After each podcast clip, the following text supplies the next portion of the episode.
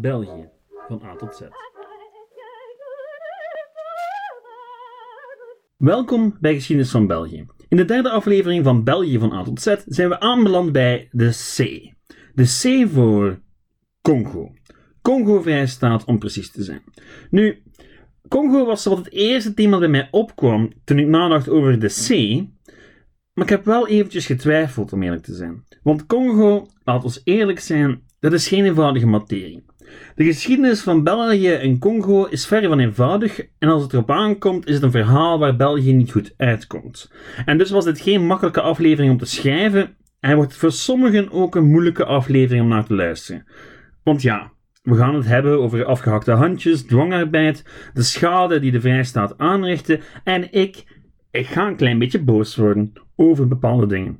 Het wordt dus geen bijster grappige aflevering en ook geen aflevering voor gevoelige luisteraars, maar wel een heel erg boeiende. Belgisch Congo is een episode waar ik als Belg in het buitenland vaak aan herinnerd werd. Want ja, buiten chocolade, bier en een ingewikkeld politiek systeem is België ook bekend voor Congo. Het is nu eenmaal een van de duisterste kantjes van de Varonse geschiedenis. Want ja, naast Spanje, Groot-Brittannië, de VS, Nederland en Frankrijk hebben ook wij, inwoners van het kleine België, een heel erg lelijk koloniaal verleden. Lelijk, maar even goed deel van de geschiedenis. En omdat dit nu eenmaal geschiedenis van België is en niet gezellige geschiedenis van België, kan ik het thema moeilijk ontlopen. Welkom bij België van A tot Z, aflevering 3, Congo Vrijstaat. Dus, liefste luisteraars, we hebben het vandaag over Congo. Meer bepaald Congo-Vrijstaat. En dat wil zeggen het eerste koloniale hoofdstukje uit de geschiedenis van Congo en ook dat deze aflevering stopt in 1908. Waarom 1908? Wel, dat leg ik nog wel uit, maar feit is dat ik ergens stoppen moest. De hele geschiedenis van Congo in één aflevering stoppen, ja, dat gaat simpelweg niet. Daarvoor is die hele geschiedenis te ingewikkeld te boeiend. Het wordt al een hele opgave om het verhaal van Congo Vrijstaat in één aflevering gepropt te krijgen. Maar op het einde van de aflevering zal u weten waarom Congo, een van de grootste gebieden in Afrika, een kolonie werd van een van de kleinste landen in Europa. Ook al was het initieel privé-eigendom. Waar beginnen we zo'n verhaal dan? Misschien wel bij die ene persoon waar de meeste van ons België Congo mee associëren. De persoon waar het verhaal van Congo Vrijstaat mee begint en ook mee eindigt. Met Leopold II. Leopold II van Saxen-Coburg, koning der Belgen. U weet wel, die koning met zijn heel erg witte en heel erg lange baard. Het verhaal van Congo echter, ja, dat is eigenlijk een stuk ouder dan van Leopold en zijn vrijstaat. Er was immers een Congo voor de komst van de blanken. Voor Congo vrijstaat. Voor Leopold. Congo krijgt zijn naam van de rivier de Congo. En vanaf de 15e eeuw was er in een vruchtbaar gebied aan de benedenloop van de Congo-stroom sprake van een koninkrijk Congo. Een koninkrijk dat zijn buren wist te onderwerpen en een eigen economie uitbouwde. Ze waren experts in metaalbewerking, aardewerk, het weven van raffiadoeken en waren betrokken in heel wat interregionale handel, vaak op en af de rivier. Net zoals voor de rest van Sub-Sahara-Afrika ja, begonnen de zaken te veranderen eens Europeanen opdaagden. Niet de Belgen, maar de Portugezen. Een zekere Diego Chao, sorry Portugal, ontdekte in 1482 de monding van de Congo-stroom, waardoor Portugal de regio opeiste, net zoals Engeland dat deed met de Victoria-rivier. Nu, dat was echter niet het begin van een grootschalige Portugese kolonisatie van het hele gebied. Tot het midden van de 19e eeuw lag Congo in het hart van onafhankelijk Afrika. En de, Europeanen die waren dan wel geïnteresseerd in handel en zo, maar in tegenstelling tot Amerika werd er, ja, werden er geen grote kolonies opgericht. De Europeanen in Afrika die bleven aan de kust om te handelen in ivoor en slaven. Daarbovenop maakte de hevige lokale weerstand, het regenwoud, de moerassen, malaria, slaapziekten en dergelijke, die maakten het heel moeilijk voor de Europese invasietroepen. En omdat er nu eenmaal geen aanwijzingen waren dat er bergen goud lagen wachten op de Europeanen, bleven die eeuwenlang braafjes aan de kust. Tot in de 19e eeuw. In de 19e eeuw werd de wereld steeds kleiner en kleiner. Waar in de 15e eeuw nog steeds heel wat ontdekken en te veroveren was buiten Afrika, was dat niet langer zo in de 19e eeuw. Plekken die makkelijk te veroveren waren, ja, die waren opgeraakt. De Amerika's, India, Australië, Indonesië, die waren tegen dan allemaal gekoloniseerd. En zelfs een trots rijk als China moest er in deze periode aan geloven. Elke natiestaat die naamwaardig was ondertussen naastig op zoek naar een kolonie. Voor de economische meerwaarde enerzijds, voor het prestige anderzijds. In heel wat Europese landen leefde het idee dat het land pas echt kon meedoen met de grote jongens als het over een buitenlandse kolonie beschikte. Een van die landen was België en daar leefde dat idee vooral in het hoofd van de koning. Nu, dat lijkt misschien belachelijk vanuit een hedendaags perspectief, weten dat België ja, niet bepaald een grootmacht is. Maar in 1875 was België dat eigenlijk wel, toch zeker op economisch vlak. Dankzij de ligging was België namelijk een van de eerste landen geweest die de industriële revolutie had kunnen afkijken van de Britten. En dus het eerste land op het continent met spoorwegen en fabrieken naar Brits model. Belgium was booming. En de koning van dat nog steeds jonge België in 1875, die voelde zich niet minder belangrijk dan zijn Britse of Duitse tegenhangers. Bij gevolg moest hij ook een kolonie hebben. Hij. Niet per se België. Maar daar komen we nog op terug. In 1876 organiseerde Leopold II, koning der Belgen, een geografische conferentie in Brussel, waar beroemde ontdekkingsreizigers, filantropen en leden van geografische verenigingen werden uitgenodigd om belangstelling te wekken voor een humanitaire inspanning van de Europeanen. Een humanitaire inspanning om in Afrika in te nemen om het leven van de inheemse volkeren daar te verbeteren en ze te beschaven. Ik hoop dat u de haakjes rond humanitaire duidelijk hebt kunnen horen. Ze zijn namelijk heel belangrijk, want ja, wat wil dat nu eigenlijk zeggen, humanitaire inspanning? Wat wil dat zeggen, beschaven? Wel, het betekent dat in de perceptie van de Europeanen Afrika hopeloos achterop hinkt op de rest van de wereld. En dat het de last van de blanke man was, de white man's burden, om de rest van de wereld te beschaven. Manieren te leren dus. Ja, het is een manier van denken die vandaag de dag duidelijk racistisch is, maar toen, zowel op religieus, sociaal, cultureel als economisch vlak, compleet logisch leek. De kans is dus groot dat, ja, als men het op die conferentie over het humanitaire had, dat men dat ook oprecht meende. Feit is dat de Afrikaanse stammen die beschaafd werden, er waarschijnlijk beter aan toe waren voor de Europeanen besloten dat de handel niet meer volstond en de inwoners van het binnenland dringend hun hulp nodig hadden.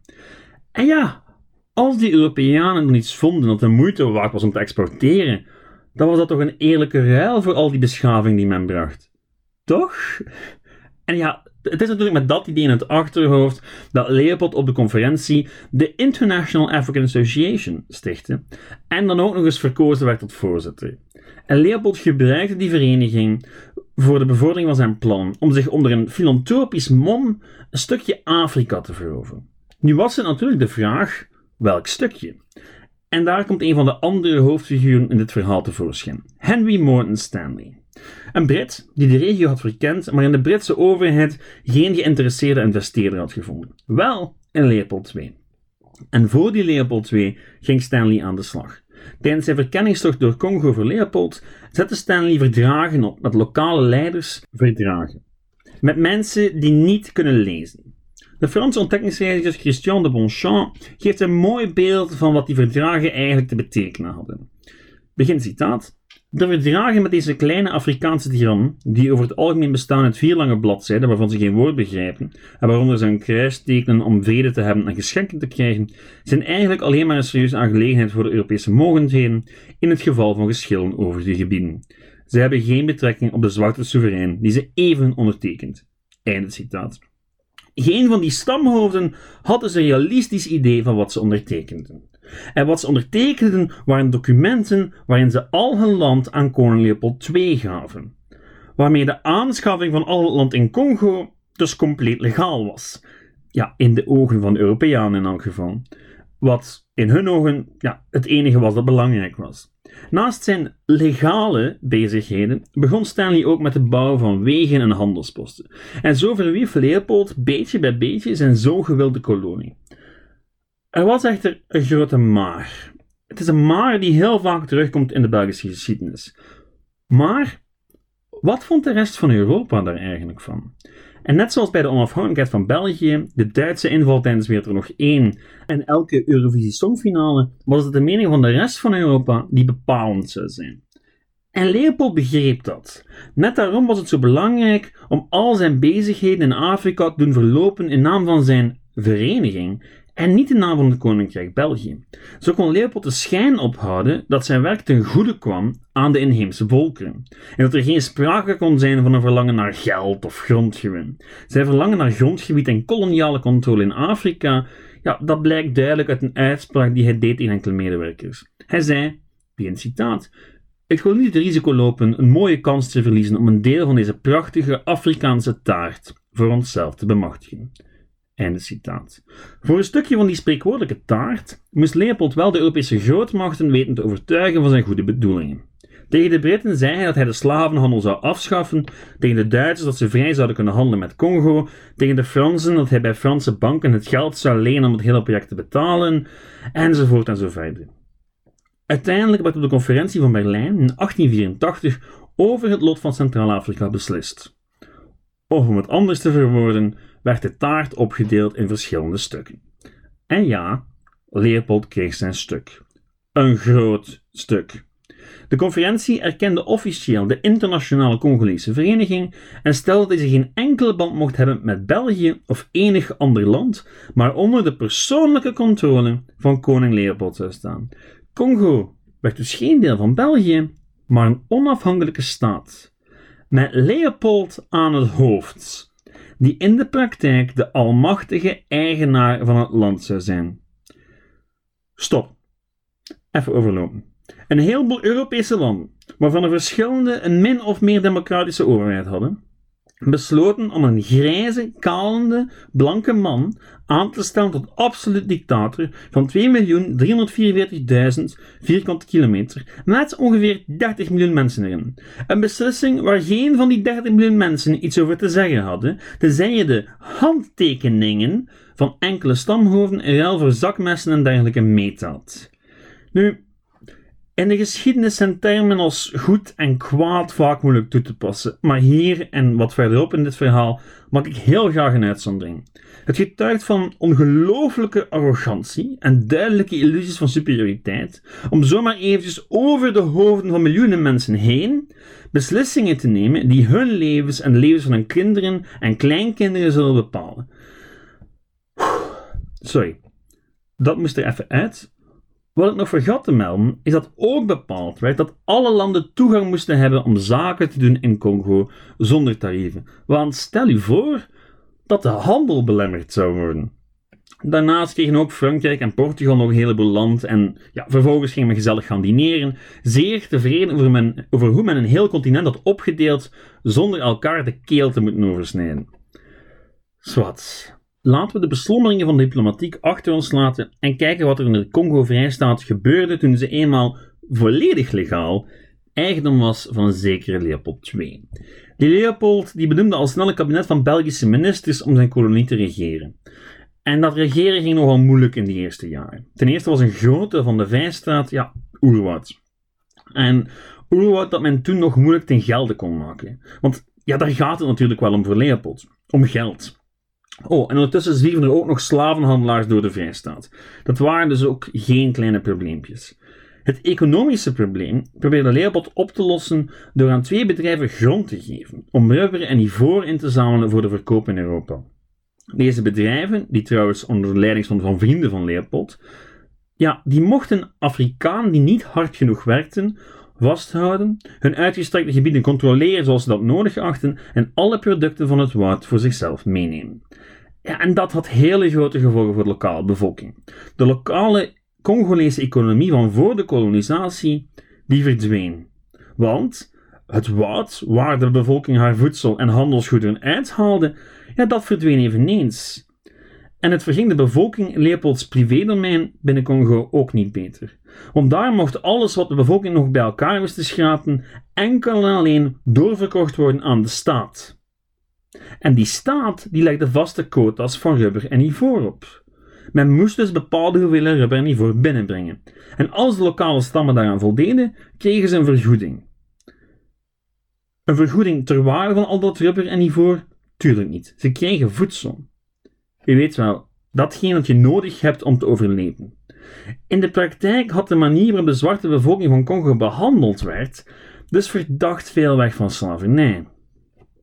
En nu komen we tot het deel van het verhaal waar we allemaal al van gehoord hebben, over de methodes die gebruikt werden om ervoor te zorgen dat er zeker aan de quota voldaan werd. Want die quota die waren belangrijk om ervoor te zorgen dat de kolonie winstgevend was.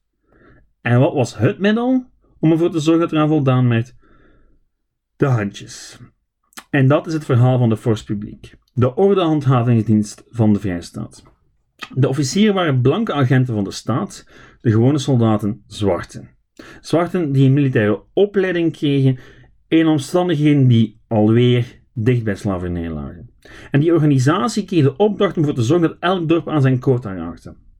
Hoe de Force Publiek die dorpen zover kreeg, ja, dat maakte voor de bestuurders van de vijfde niet veel uit. Dus ging de Force Publiek haar gang, gewapend met moderne wapens en de chicot, een zweep gemaakt van nijlpaardenleer, noemden ze met de regelmaat van een klok gijzelaars in beslag, martelden ze, sloeg ze en verkrachten ze Congolezen. Ze verbrandden ook dorpen en namen vooral menselijke handen aan als trofee. Dit op bevel van de officieren om aan te tonen dat er geen kogels waren verspild. Nu, dat vooral omdat officieren bezorgd waren dat die ondergeschikten de munitie zouden kunnen verspillen aan de jacht op dieren voor de sport. En ze eisten dus van de soldaten dat ze één hand zouden geven voor elke kogel die ze uitgaven. Want ja, kogels kosten natuurlijk geld. Het ging zelfs niet altijd om trofeeën. Uh, Congolese kinderen en vrouwen van wie de vaders de quotas voor het inzamelen van rubber niet haalden, werden vaak gestraft met het afsnijden van de handen. Kinderen die dus moesten boeten voor het niet halen van economische quotas. Een blanke officier beschreef een inval om een dorp dat had geprotesteerd te straffen als volgt. De blanke officier die bevel voerde, begin citaat, gaf ons de opdracht de hoofden van de mannen af te hakken en ze op te hangen aan de dorpspalissaden, en de vrouwen en kinderen in de vorm van een kruis op de palissade op te hangen. Einde citaat. Na het zien van een eerste moord op een Congolese persoon schreven Deense missionaris, begin citaat, de soldaat zei, neem het niet zo ter harte. Ze vermoorden ons als we het rubber niet meenemen. De commissaris heeft ons beloofd dat als wij voldoende handen hebben, hij onze dienst zal verkorten. Einde citaat. Dit lijkt me het goede moment om u eraan te herinneren voor welke redenen Leopold en Co. zogezegd aan dit hele avontuur begonnen waren. Ter verheffing van het Afrikaanse volk. Wat er in werkelijkheid plaatsvond was grootschalige economische uitbuiting met behulp van gruwelijke methoden. En dat had gevolgen voor de Congolezen zelf, voor Leopold en uiteindelijk ook voor België. Voor de bevolking van Congo was de vrijstaat een verschrikking. Tot de dag van vandaag heerst een discussie over hoe groot de impact van de vrijstaat op bevolkingsaantallen was. Sommigen hebben het over een afname met 50%, anderen over 15%. En ja, misschien ligt de werkelijkheid gewoon ergens in het midden. Maar wat de waarheid ook zijn mag, ja, ze is moeilijk te vatten. In harde cijfers hebben we het over tussen de 15 en 4 miljoen mensen minder, minder in 1908 dan in 1885. En dit zijn soort cijfers ja, die, die weinig of geen betekenis meer hebben. Ook al staan ze symbool voor miljoenen individuele mensenlevens. Het is weinig waarschijnlijk dat al die mensen slachtoffer waren van de force publiek. Feit is dat door die economische uitbuiting en de terreur die ermee gepaard ging, de vrijstaat het ideale terrein creëerde voor hongersnood en ziektes. En dus ook massale sterfte en lagere geboortecijfers. De vraag is dan wat de architect van dit alles dacht.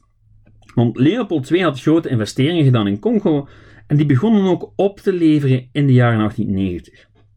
Dankzij rubber en de toenemende populariteit van rubber. De prijzen stegen in de loop van het decennium toen de industrie nieuwe toepassingen ontdekte voor rubber in banden, slangen, buizen, isolatie voor telegraaf, telefoonkabels, bekabeling en dergelijke meer. Aan het einde van de jaren 1890 was het gewilde rubber de belangrijkste bron van inkomsten van de onafhankelijke Congo-staat. Die hoogste leidde echt tot inspanningen om goedkopere producenten te vinden. Congolese concessiehouders ja, kregen te maken met concurrentie van de rubberteelt in Zuidoost-Azië en in Latijns-Amerika. Naarmate de plantages in andere tropische gebieden, meestal in de handen van Britse bedrijven, werden opgestart, begonnen de rubberprijzen te dalen. En dus ook de winsten die gemaakt konden worden in Congo. En terzelfde tijd begon de rest van de wereld langzaam maar zeker door te krijgen wat er aan de hand was. De beroemde schrijvers zoals Arthur Conan Doyle, Mark Twain, die zagen in de Vrijstaat een koloniaal regime dat zijn beschavingsmissie had opgegeven en enkel nog uit was op winst. Want er druppelde steeds meer geruchten Europa binnen. Tot ook ja, de politiek de zaak niet meer kon negeren. Onderzoek naar Groot-Brittannië leidde tot een herziening van het akkoord van Berlijn. En dus uiteindelijk werd Leopolds kolonie van hem afgenomen. Je moet het je voorstellen, een beetje als een klein kind dat niet voor zijn huisdier zorgen kan, zo verloor Leopold zijn kolonie. Maar toen werd de vraag natuurlijk wie die kolonie zou overnemen. Een kolonie in 1908 veel minder winstgevend was dan enkele jaren tevoren. Het geld dat Leopold uit Congo geknepen had, dat was ondertussen al naar België gevloeid. Van de hele winstgevende rubberindustrie van de jaren 1890 was nog maar weinig over.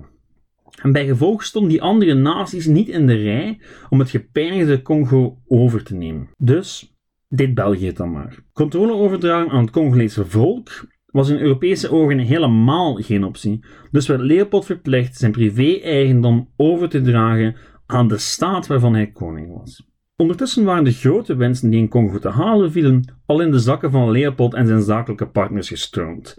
Winsten die daar niet bleven zitten. Ja, niet dat die geïnvesteerd werden in Congo, maar wel in België. Want dat is de grote ironie van de hele zaak. Terwijl de echte wandaden in Congo technisch gezien niet onder Belgisch toezicht gebeurden, ging de opbrengst ervan wel naar België. Want Leopold, ja, die had grootste ideeën over de plaats van België in de wereld. En die was er dan ook vast van overtuigd dat België niet alleen een kolonie moest hebben, zoals de andere grootmachten, maar er ook zo moesten uitzien. Dus stak hij zijn geld in architectuur. Een kleine bloemlezing. De heraanleg van Brussel, inclusief het Jubelpark met Sint-Joonsboog, de Tervurenlaan, het Koninklijk Paleis, het Kasteel van Laken, de Koninklijke Musea voor Schone Kunsten en nog veel meer. Het Congolese geld ging echt niet alleen naar Brussel. In Antwerpen werd de Zoo, het Centraal Station en het Museum voor Schone Kunsten meegefinancierd door Leopold. En omdat Oostende zijn meest liefde badstad was, ging ook daar veel geld naartoe. Dus ja, enkele van de mooiste gebouwen uit de 19e eeuw in België werden gefinancierd door de meedogenloze uitbuiting van een heel volk. De rol van België in het verhaal van de Congo-Vrijstaat is ingewikkeld. Want ja, die winst die ging uiteindelijk grotendeels terug naar België. En heel wat Belgen waren betrokken bij Leopolds privékolonie. Maar het was wel een privékolonie. Veel meer een bedrijf dan een land. Een bedrijf met werknemers en resources, waarbij de werknemers zo goed mogelijk gebruik moesten maken van de resources, zijnde rubber, ivoor en de inheemse bevolking, om zoveel mogelijk winst te maken. Aan die economische mentaliteit kwam een einde in 1908, toen het gebied in de handen van de Belgische overheid terecht kwam. Niet dat alles op slag rooskleurig werd, maar dat is een verhaal voor een andere keer. Dit was het verhaal van Congo-Vrijstaat en dat eindigt nu eenmaal in 1908. Of misschien in 1909, toen Leopold II zelf de geest gaf. De man die het hele project bedacht en in praktijk had gebracht, stierf een jaar na het einde van de Vrijstaat. En het was de Vrijstaat die bepalen zou hoe hij uiteindelijk herinnerd zou worden. Niet als een grote bouwer of de beschaver van Zwart-Afrika, maar als de beul van Congo. Dit was de C van Congo. Volgende week is het tijd voor de D. Uh, dit is de D van Doel. Dat wordt een iets vrolijkere aflevering. Um, wilt u de podcast steunen? Dat kan. Uh, like op iTunes, schrijf een review. Uh, er is een Facebookpagina Geschiedenis van België, daar kan u ook altijd op terecht. U kan u abonneren, misschien een vraag stellen als u die heeft. Bedankt voor het luisteren, tot de volgende keer. Ciao!